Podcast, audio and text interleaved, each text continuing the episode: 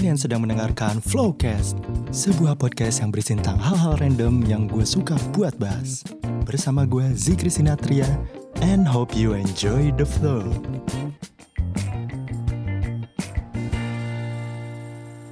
Halo semuanya, gimana kabarnya? Semoga baik-baik aja ya. Nah di masa-masa pandemi kayak gini nih, gue gak bakal bosen-bosen buat ngingetin kalian buat patuhin aturan PSBB-nya ya. Nah, di podcast kedua gue kali ini, buat kalian yang baru dengerin gue, kenalin dulu, gue Zikri Sinatria, biasa dipanggil Zikri. Dan di topik episode kali ini, gue masih ngebahas tentang fotografi. Di masa-masa pandemi kayak gini nih, emang ya agak terbatas untuk kita bisa berkarya. Apalagi yang namanya hunting foto hunting foto keluar gitu udah nggak dibolehin lagi kan sekarang. Nah jadi sekarang kita mikir nih gimana kita sebagai fotografer bisa menyiasati untuk dapat tetap berkarya walaupun dalam keterbatasan kayak gini. Nah pas gue tanya ke teman-teman gue nih sama gue liatin teman-teman gue, ternyata ide-ide kreatif mereka justru muncul pas lagi mereka di rumah. Macam-macam nih. Ada orang yang ngefoto keadaan rumahnya. Apalagi yang rumahnya di desa-desa. Wah, itu udah pasti enak sih. Yang namanya udaranya masih sejuk, udah gitu kegiatan-kegiatan di desanya masih aktif. Itu kalau misalnya di foto pasti bakalan unik sih. Jarang kan soalnya kita ngeliat hal-hal kayak gitu di perkotaan. Terus juga ada yang ngefoto mainan atau action figure yang suka ngoleksi. Kayak misalnya teman gue ada tuh yang suka ngoleksi Gundam. Ada juga yang suka ngoleksi action figure, misal kayak action figure Marvel, sama superhero-superhero lainnya. Dan foto-fotonya ternyata nggak kalah menarik juga loh. Bagus-bagus gitu. Ada yang terkesan kayak dia lagi berantem sama siapa gitu, itu keren sih. Terus abis itu ada juga yang foto produk makanannya buat dijual biasanya di online shop atau misalnya cuma sekedar iseng-iseng aja foto makanan yang ada di rumah dengan lampu yang, yang seadanya di rumah atau bahkan ada yang punya lampu studio kecil gitu. Misalnya bikin studio mini gitu buat ngefotoin makanannya. Itu juga tetap keren sih. Apalagi yang di masa-masa pandemi kayak gini yang namanya online shop yang jualan makanan buat lebaran yang buat ramadan itu benar lagi berguna banget sih sekarang. Dan yang terakhir nih, ada juga nih buat yang biasa suka ngelakuin foto portrait nih. Mereka juga di masa-masa pandemi kayak gini juga suka nih ngelakuin yang namanya virtual photoshoot. Nah kebetulan di kesempatan kali ini gue bakal ngebahas nih apa itu sih virtual photoshoot, terus habis itu apa aja sih kendala-kendalanya. Dan di akhir nanti, gue bakal ngasih tips-tips buat kalian yang bakal ngelakuin virtual photoshoot. Makanya, dengerin sampai selesai ya. Langsung aja yuk kita mulai. Buat yang belum tahu nih, apa sih itu virtual photoshoot? Virtual photoshoot itu sebenarnya adalah sebuah sesi fotografi yang dilakukan secara jarak jauh melalui media video messenger. Aplikasi video messenger itu apa aja sih? Nah, nanti gue jelasin. Awalnya, waktu gue pertama kali tanya ke teman-teman dekat gue, beberapa sih emang ada yang banyak yang skeptis gitu tentang virtual photoshoot ini. Katanya ini kan sama aja kayak si modelnya selfie. Terus kita yang fotoin. Nah, bedanya sama foto selfie dia yang biasanya apa dong jadinya? Kan jadi pertanyaan tuh ya di situ ya. Jadi banyak yang katanya tuh banyak yang kurang dapat esensinya ah motoin kayak gini gitu katanya. Tapi nih ya, kalau misalnya menurut gua, kalau gue sih mikirnya itu kayak ibaratnya tukang pijet gitu. Nah, tukang pijet kan uh, ngurut pakai tangan ya. Terus bedanya tukang pijet biasa sama orang yang punya tangan pada umumnya apa dong? Kan sama-sama punya tangan. Tukang pijet juga punya tangan, kerjanya pakai tangan. Orang pada umumnya juga gunain tangannya juga. Terus bedanya apa dong? Nah, bedanya adalah tukang pijet itu punya skillnya. Tukang pijet itu punya kemampuan untuk mengurut Sedangkan orang pada umumnya belum tentu punya kemampuan untuk mijit atau buat ngurut. Nah kan jadi beda tuh di situ. Sama juga nih, kayak misalnya kalau di foto yang biasa, biasanya kan uh, kalau kita fotoin model, kadang juga ada tuh misalnya orang mikir, lo kenapa nggak modelnya aja suruh beli kamera sendiri itu habis itu pakai tripod pasang, fotoin aja tuh udah diri dia sendiri pakai timer, udah. Terus bedanya sama nyuruh fotografer buat motoin dia apa dong? Kan sama-sama motoin ujung-ujungnya. Nah, yang bikin beda sekali lagi, ya skillnya. Model belum tentu punya skill buat ngefoto, sedangkan fotografer punya skillnya buat ngefotoin si model. Jadi, yang bikin perbedaannya itu di situ sebenarnya, yaitu di skillnya. Atau misalnya fotografer juga selain punya skill juga punya cara-cara tersendiri buat nge-treatment foto itu, buat komunikasi dengan model itu. Dan gak semua orang punya skill kayak gitu. Nah, kembali lagi, sama halnya dengan virtual photoshoot ini. Yang bikin virtual photoshoot ini beda dengan selfie-selfie pada biasanya atau pada umumnya apa sih?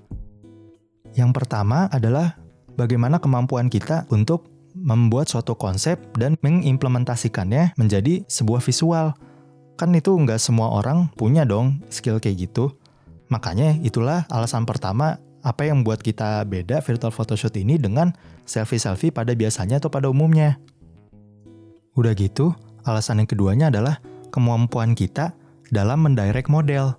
Nah, yang membuat kita beda dengan selfie pada umumnya adalah kita memiliki kemampuan untuk mendirect si model dengan pose-pose tertentu. Nah, di mana di sini otomatis kemampuan kita sebagai fotografer untuk mendirect model lebih diasah dibandingkan biasanya gitu. Karena itulah salah satu alasan yang membuat kita berbeda dengan selfie-selfie pada umumnya. Lagian juga, menurut gua dengan adanya virtual photoshoot ini, kita yang sebelum-sebelumnya belum sempat fotoin model itu, Nah di virtual photoshoot ini akhirnya kita bisa ketemuan sama dia, terus kita fotoin dia. Atau misalnya yang udah lama banget janjian gitu, eh fotoin gue dong, oh iya nanti-nanti. Terus habis itu udah lama nih akhirnya karena adanya virtual photoshoot ini akhirnya kita bisa motoin dia juga gitu. Jadi menurut gue sebenarnya ya sah-sah aja kok gitu buat ngelakuin virtual photoshoot ini nggak ada salahnya gitu. Cuman kan ini kembali lagi, ini kan hanya pendapat gue aja. Kalau misalnya menurut kalian beda ya nggak apa-apa gitu. Seperti yang gue bilang di podcast sebelumnya, gak ada salahnya berbeda pendapat. Jadi ya sah-sah aja kok. Nah, biar kalian gak makin penasaran nih, sebelumnya gue udah sempet ngelemparin pertanyaan ke Instagram story gue tentang apa aja sih kendala-kendala mereka pas lagi ngelakuin virtual photoshoot dan bagaimana sih pendapatnya mereka setelah ngelakuin virtual photoshoot ini. Nah, setelah gue ngelemparin pertanyaan itu, ternyata ya lumayan ada beberapa yang ngejawab. Dan sekarang bakal gue bacain ya beberapa.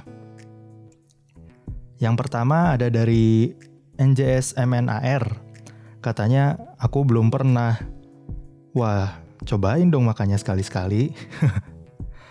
Terus habis itu yang selanjutnya ada lagi dari Fotohar. Katanya, sinyal dan layar monitor tidak semulus MacBook. Wah, Iya sih, monitornya MacBook emang sih beda banget, jernih sih ya. Cuman ya kembali lagi, manfaatin aja dan maksimalin apa yang kalian punya. Jadi ya udah, mau gimana? Kecuali emang kalian ada uangnya gitu, misal buat beli layar yang bagus. Terus habis itu selanjutnya dari Valdo Juninko katanya untuk kendala tidak ada pak, tapi kok nilai fotografi saya belum keluar ya pak dosen. Waduh, coba tuh Pak dosennya Valdo Juninko, dosen fotografinya Valdo Juninko. Coba tuh kenapa katanya nilai fotografinya belum keluar. Nih jadi ke tempat pengaduan masyarakat gini ya. Terus habis itu ada lagi dari Dede Kun. Katanya kamera laptop. Kenapa tuh kamera laptopnya? Oh mungkin kualitasnya ya kembali lagi sih ya. Iya makanya itu dia. Emang nggak semua laptop punya kualitas yang sama ininya kameranya gitu. Uh, biasanya webcamnya gitu ya atau layarnya juga gitu. Makanya ya kembali lagi manfaatin aja apa yang kita punya maksimalin aja apa yang ada. Mau gimana lagi? Jalan keluar ya kecuali kita beli. Kalau ada uangnya itu juga. Terus abis itu uh, ada lagi nih dari Aldian Farhan katanya masih belum tahu kak buat virtual photoshoot itu gimana teknisnya Oh ya itu dia makanya nanti bentar lagi bakal gue jelasin sih tips-tipsnya kayak gimana nih biar enak ngejalanin ya. Terus habis itu selanjutnya lagi dari Gabe Maulana katanya nggak ada model. Wah ini masih beda urusannya lagi sih ya kalau nggak ada model ya mulai kenalan lah ya sama teman-teman. Siapa tahu kan ada teman-teman perempuan yang um, sekiranya bisa gitu diajak uh, jadi model langsung aja gitu chat atau DM kan enak tuh barangkali aja ada yang bisa. Masa sih nggak ada yang bisa temennya nggak be Maulana. Terus abis itu ada lagi nih dari dari L L Shetia katanya virtual photoshoot itu menurut aku adalah sesuatu yang out of the box katanya. Jadi kayak tanpa pakai kamera sebenarnya juga udah bisa tinggal screenshot aja gitu. Cuman kan karena orang baru banyak yang menyadarinya dan ada momen kuarantin ini jadi keren katanya. Wah iya sih ini setuju sih, emang bisa sih ya. Kalau dipikir-pikir bisa screenshot juga, bisa pakai kamera. Apalagi yang adanya kayak gini kan jadi lebih keren gitu. Makanya sebenarnya emang enak sih, gampang juga gitu ngelakuinnya. Cuma nanti untuk selanjutnya tips-tipsnya sih bakal gue jelasin lagi nih. Terus abis itu kendalanya katanya koneksi dan cahayanya yang kurang, kurang memungkinkan katanya. Ya benar sih itu juga termasuk salah satu kendalanya juga. Terus abis itu ada lagi dari Rahmat DP katanya kalau menurut saya virtual photoshoot ini bisa dibilang ada tantangan tersendirinya ya lah ya. Beda banget kalau gue lagi foto pesawat yang mengharuskan kita untuk gercep untuk mendapatkan momen karena sepersekian detik momen pada fotografi aviasi atau bisa saja fotografi genre lain itu sangat berharga. Oh iya sih, emang ya gimana ya kalau misalnya fotografi genre lain mungkin emang butuh uh, butuh capture moment secara cepat gitu. Sedangkan kalau misalnya virtual photoshoot ini kan kembali lagi ya kita nggak bisa cepet-cepet yang namanya ngedirectnya apalagi dari jarak jauh gitu kan. Jadi agak butuh ya butuh agak sabar kali ya dalam ngobrol-ngobrolnya gimana komunikasinya gimana ya. Bener sih ya setuju juga gue. Terus abis itu kendalanya katanya yang utama diperhatikan itu katanya koneksi internet dan orangnya yang difoto itu. Terus habis itu media untuk fotonya katanya sama kameranya juga katanya. Ya, ya bener sih itu juga kendala katanya gitu. Nah berdasarkan dari kendala-kendala yang gue baca tadi dari teman-teman gue, dan gue juga berkaca dari kendala-kendala yang gue alamin juga waktu gue ngejalanin virtual photoshootnya itu, gue punya nih tips-tips buat kalian buat setidaknya mengatasi beberapa lah dari kendala-kendala kalian uh, pas nanti saat melakukan virtual photoshoot. Nah langsung ya gue mulai dari tips yang pertama yaitu kita lihat dari aplikasinya. Kalau misalnya dari aplikasi sih sebenarnya bebas-bebas aja mau pakai aplikasi Zoom buat yang pakai Windows atau di iOS juga ada. Atau kalau misalnya yang khusus pakai iOS bisa pakai FaceTime. Dan kalau gue sih kebetulan udah nyobain dua-duanya dan menurut gue hasilnya ya sama-sama aja tergantung koneksi internetnya. Jadi yang harus diperhatiin buat dari aplikasinya sih yang penting bagaimana si modelnya modelnya pakai apa enaknya dan dari kitanya juga enaknya pakai apa. Terus habis itu kalau misalnya udah nemu yang enak yang pas ya udah pakai. Terus udah gitu yang harus diperhatiin juga sinyalnya. Baik sinyal si modelnya atau sinyal si fotografernya. Karena itu pengaruh banget nanti ke aplikasinya juga nantinya. Jadi usahain dapetin sinyal yang terbaik di rumah atau misalnya di tempat mana pun itu. Usahain deketin diri kita ke tempat yang sinyalnya lebih bagus.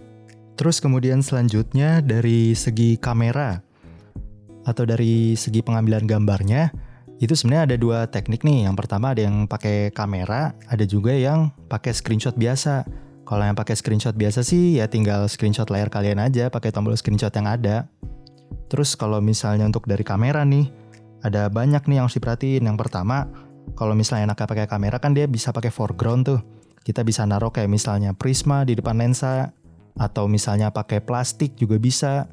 Pakai plastik bening Udah gitu kalau misalnya gue sih terakhir pakai gelas bening ya ada di dapur gue ambil terus gue pakai deh gue taruh di depan lensa aja di pinggir-pinggirnya efeknya juga bagus kok hasilnya. Terus udah gitu untuk lensanya lensanya kalau bisa sih cari lensa yang tidak distorsi ya.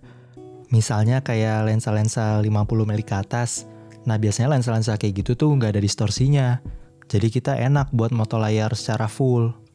Terus abis itu aperturnya kalau bisa sih kalau menurut gue jangan pakai yang apertur bukan lebar karena kita kan mau dapetin semua layar kita secara fokus gitu. Jadi kalau bisa uh, gunain apertur yang agak lebih kecil aja gitu. Jadi biar uh, fokusnya itu nyebar ke semua layar. Kayak misalnya kalau mungkin biasanya lu foto portrait pakai f-nya 1,8, berarti sekarang mungkin lu bakal coba di f4 atau f di atas 4 gitu. Itu menurut gue ya. Terus kemudian untuk shutter speednya samain dengan hertz layar kalian. Nah ini fungsinya buat menghindari kalau misalnya di hasil foto itu biasanya suka ada garis-garis gitu di layar, suka ada garis-garis pattern gitu. Nah buat ngindarin itu, caranya ya dengan menyamakan shutter speed di kamera kalian dengan hertz layar kalian. Nah misalnya hertz layar kalian itu 60, 60 hertz, maka kamera kalian juga setting shutter speed selalu di 60, 1 per 60 gitu buat menghindari pattern-pattern garis-garis tadi. Terus abis itu untuk settingan lainnya kayak perhatikan white balance-nya. Nah kendala gue waktu kemarin itu salah satunya ada di white balance. Jadi karena settingan kamera si modelnya itu otomatis di HP-nya itu auto, maka si HP itu akan mengubah settingan white balance dengan sendirinya. Jadi white balance-nya dalam arti kata lain tidak konsisten gitu. Jadi otomatis kita yang harus merhatiin sendiri ini white balance-nya pas nggak nih, ini pas nggak nih gitu. Jadi emang harus agak diperhatiin sih karena benar-benar berubah banget. Apalagi kalau untuk ke tone warna kulit ya, itu benar pengaruh banget. Yang namanya berubah jadi biru banget, nanti tiba-tiba jadi kuning banget gitu. Nah itu juga harus diperhatiin tuh. Nah kalau itu kan dari sisi kameranya si fotografer. Nah kalau dari sisi kameranya si model, jangan lupa kalau bisa kita suruh modelnya buat pakai kamera belakangnya jangan pakai kamera depan gitu. Sebenarnya sih nggak apa-apa pakai kamera depan. Cuman kendalanya yang gue rasain bener-bener kualitasnya beda jauh. Karena settingan si kameranya waktu pakai kamera depan sama kamera belakang itu bakal beda banget. Settingan autonya tuh lebih bagus di kamera belakang daripada kamera depan. Kualitasnya pun juga bakal beda banget, lebih jernih kamera belakangnya daripada kamera depan. Kalau buat yang pakai HP ya, model yang pakai HP maksudnya. Terus abis itu dari sisi temanya nih. Nah, temanya juga harus didiskusikan nih secara baik-baik sama si modelnya. Kita juga harus tahu uh, lingkungan rumahnya si model ini tuh kayak apa sih gitu. Apa aja sih yang bisa dijadiin backgroundnya si model nantinya gitu. Terus habis itu ada aksesoris apa aja sih yang bisa model itu pakai. Atau misalnya di rumahnya tuh ada baju apa aja sih yang bisa dia pakai. Nah dari situ setelah kita tanya-tanya, baru deh nanti kita bisa nentuin temanya oh kalau misalnya temanya ini mungkin cocok kali ya temanya misalnya vintage gitu atau misalnya temanya uh, kayak elegan gitu atau apa gitu mungkin kayaknya cocok ya gitu nah berdasarkan dari lingkungan rumah si model tadi atau misalnya di rumah si model ada taman nih nah bisa kita pakai nih kayak gitu nah itu mulai dari temanya gitu. Nah setelah kita udah nentuin temanya baru nih jangan lupa buat selalu ngasih referensi pose buat si modelnya nanti. Karena kan yang agak sulit kan di sini yaitu kan komunikasi nih. Karena komunikasinya susah gitu kan nggak bisa langsung kita direct secara face to face jadi kita harus ngasih referensi pose yang pas dengan tema kita nantinya supaya memudahkan nanti si modelnya buat pose di depan kameranya. Jadi kita nggak terlalu banyak ngedirect dia banget gitu. Cukup dengan ngeliatin uh, coba uh, kita coba pose yang aku liatin yang ini gitu. Atau coba pose yang aku liatin yang kedua nih. Atau misalnya coba yang kayak gini nih cuman kita rubah dikit gini misal gitu. Nah itulah jadi fungsinya referensi pose itu yaitu untuk memudahkan modelnya juga nantinya dalam pose. Jadi nggak kayak bingung-bingung lagi nantinya udah tahu bakal pose gini gini gini gitu. Jadi memudahkan dari sisi model baik juga dari sisi si fotografernya terus kemudian yang selanjutnya perhatikan juga waktu yang pas nih Nah, kalau misalnya waktu sebenarnya sih fleksibel, bebas. Tergantung kesepakatan aja antara si fotografer dengan si modelnya. Bisa pagi, siang, atau sore gitu. Tergantung, misalnya kalau gue, gue selalu nanya gitu. Biasanya bangun jam berapa gitu, pagi atau siang nih. Kalau misalnya siang, biasanya cahaya yang bagus di rumah lu jam berapa gitu oh misalnya yang bagus jam 2 jam 3 nih gitu. Karena sore kan gitu dapat golden hour. Oh ya udah kalau gitu nanti kita uh, di jam 3 gitu. Tapi jam 3 itu harus sudah bisa dipastikan si model udah siap-siap kitanya juga udah siap-siap gitu. Jadi jam 3 itu langsung mulai biar dapetin cahaya sorenya yang bagus gitu kan. Terus habis itu juga perhatiin cahaya yang mau dipakai tuh mau pakai cahaya apa nih? Cahaya natural pakai cahaya matahari yang sebelumnya gue jelasin cahaya matahari sore gitu misal atau mau pakai cahaya artifisial. Cahaya artifisial itu misal pakai lampu belajar atau misal pakai lampu meja rias kan ada tuh yang punya. Nah itu juga bisa tuh dipakai sebagai pencahayaan utama gitu kan. Kalau misalnya yang paling gampang sih emang uh, cahaya matahari sih ya. Maksudnya kan udah terang gitu langsung dari sananya. Cuman waktunya harus pas nih. Apalagi kalau misalnya mataharinya kelewat dikit, udah deh jadi kurang bagus. Apalagi kalau misalnya mendung, waduh lebih-lebih lagi. Nah kalau misalnya pakai artificial kan enaknya bisa di tempat tidur, bisa di kamar gitu. Cuman memang mungkin nggak semenarik cahaya natural matahari gitu ya, karena kan ya cahaya artificial kan kayak putih gitu kan. Sedangkan kalau cahaya natural kan kayak ada kalau lagi golden hour kan kayak agak kuning kuning gimana gitu kan. Ya paling di situ sih perbedaannya. Terus buat tips selanjutnya yaitu sabar. Sabarnya maksudnya ya sabar untuk mengkomunikasikan itu dengan baik kepada modelnya gitu. Jadi buat mengkomunikasiin framingnya, posisi yang tepatnya gimana itu benar-benar harus sabar karena di sini kan yang pertama udah karena koneksi juga nih. Kalau misalnya koneksinya lambat apalagi agak susah nih kan putus-putus. Udah gitu yang kedua karena ini kan kita jarak jauh nih nggak mungkin sebebas kayak kita waktu face to face gitu kita bisa ngarahin ininya ke sini ininya ke situ pundaknya ke sini misal tangannya begini tangannya begitu. Nah kalau misalnya di sini benar-benar kita harus sabar benar-benar namanya uh, kurang ke kiri dikit ke kiri dikit gitu atau ke kanan dikit gitu atau agak majuan ke kamera atau agak munduran ke kamera gitu. Atau kameranya posisinya coba agak dirubah ke sini atau agak ke sana gitu. Nah itu benar-benar harus sabar di komunikasi ini dengan baik-baik. Karena kalau misalnya nggak sabar udah susah sih Oh iya, sama kalau misalnya nanti modelnya itu lagi pose, jangan lupa buat kita suruh biar modelnya itu nggak terlalu banyak gerak. Jadi suruh modelnya buat tahan posenya itu selama berapa waktu. Karena kalau misalnya modelnya itu terlalu banyak gerak, biasanya pengaruh ke kualitas fotonya. Biasanya kalau modelnya terlalu banyak gerak, fotonya itu akan jadi pecah-pecah. Makanya jangan lupa buat suruh modelnya tahan posenya selama berapa waktu Nah di saat-saat itulah baru kita ngambil foto sampai dapat yang kualitasnya itu paling bagus. Terus selanjutnya satu lagi nih, jangan berekspektasi terlalu tinggi sama foto yang nanti bakal dihasilin. Karena ya kualitasnya bakalan begitu, nggak mungkin kayak foto-foto kita biasanya, foto sebelum virtual photoshoot gitu. Lagi pula juga gue pernah dengar cerita dari seorang fotografer profesional yang udah pernah menghasilkan uang dari virtual photoshoot ini dan katanya si kliennya juga memang udah tahu gitu bahwa kliennya nggak bakalan berharap yang lebih buat hasilnya karena ya dia tahu hasilnya emang bakal begitu aja. Dan pada akhirnya kliennya juga rela kok ngebayar dengan harga tertentu gitu. Itu kliennya perusahaan loh suatu perusahaan bukan perorangan bukan. Jadi balik lagi ke bagaimana kita menghargai hasilnya aja yang begitu adanya gitu. Dan kayaknya segitu aja tips-tips dari gua karena menurut gue juga tips-tips yang gue udah berikan barusan ke kalian itu udah lumayan detail dan mencakup uh, beberapa kendala yang kalian ceritain ke gue gitu. Dan buat akhir dari podcast ini, gue pengen ngasih kesimpulan. Jadi kalau menurut gue, virtual photoshoot ini lumayan dapat menjadi obat lah buat kita sebagai fotografer buat dapat berkarya di masa-masa pandemi kayak gini nih buat kita-kita yang pengen fotoin temen sejak lama tapi belum kesampaian, baru janji-janji doang. Dan ternyata dengan virtual photoshoot ini udah lumayan ya udah lumayan mengobati kangennya itu. Dan selanjutnya di balik itu semua, jangan biarkan keterbatasan ini sebagai halangan kalian untuk berkarya. Karena kalau misalnya kita udah cinta dengan hobi kita gitu, kalau misalnya emang kita udah mau berkarya, ya menurut gue halangan itu bukanlah sebagai batasan gitu. Ya kita harus punya siasat sendiri-sendiri, gimana caranya biar gue tetap bisa berkarya, gimana cara gue bisa moto ini, gimana caranya gue bisa ngasilin karya itu. Jadi buat kalian tetap semangat ya berkaryanya. Jangan patah semangat. Oke, kayaknya cukup sekian dulu buat podcast episode 2 kali ini. Dan makasih banyak juga yang udah mau dengerin sampai selama ini. Mohon maaf juga kalau misalnya di podcast ini gue masih banyak kurang-kurangnya. Kalau misalnya kalian ada kritik atau saran boleh langsung DM Instagram gue aja di zikri.sinatria atau mungkin buat yang mau follow-follow juga boleh silakan. Dan akhir kata gue Zikri Sinatria dan sampai jumpa di Flowcast berikutnya.